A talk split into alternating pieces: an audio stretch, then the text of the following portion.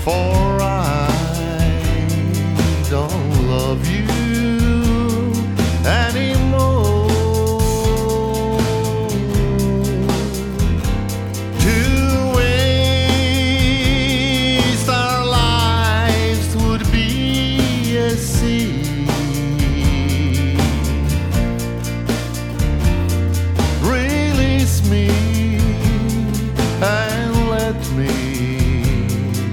love again.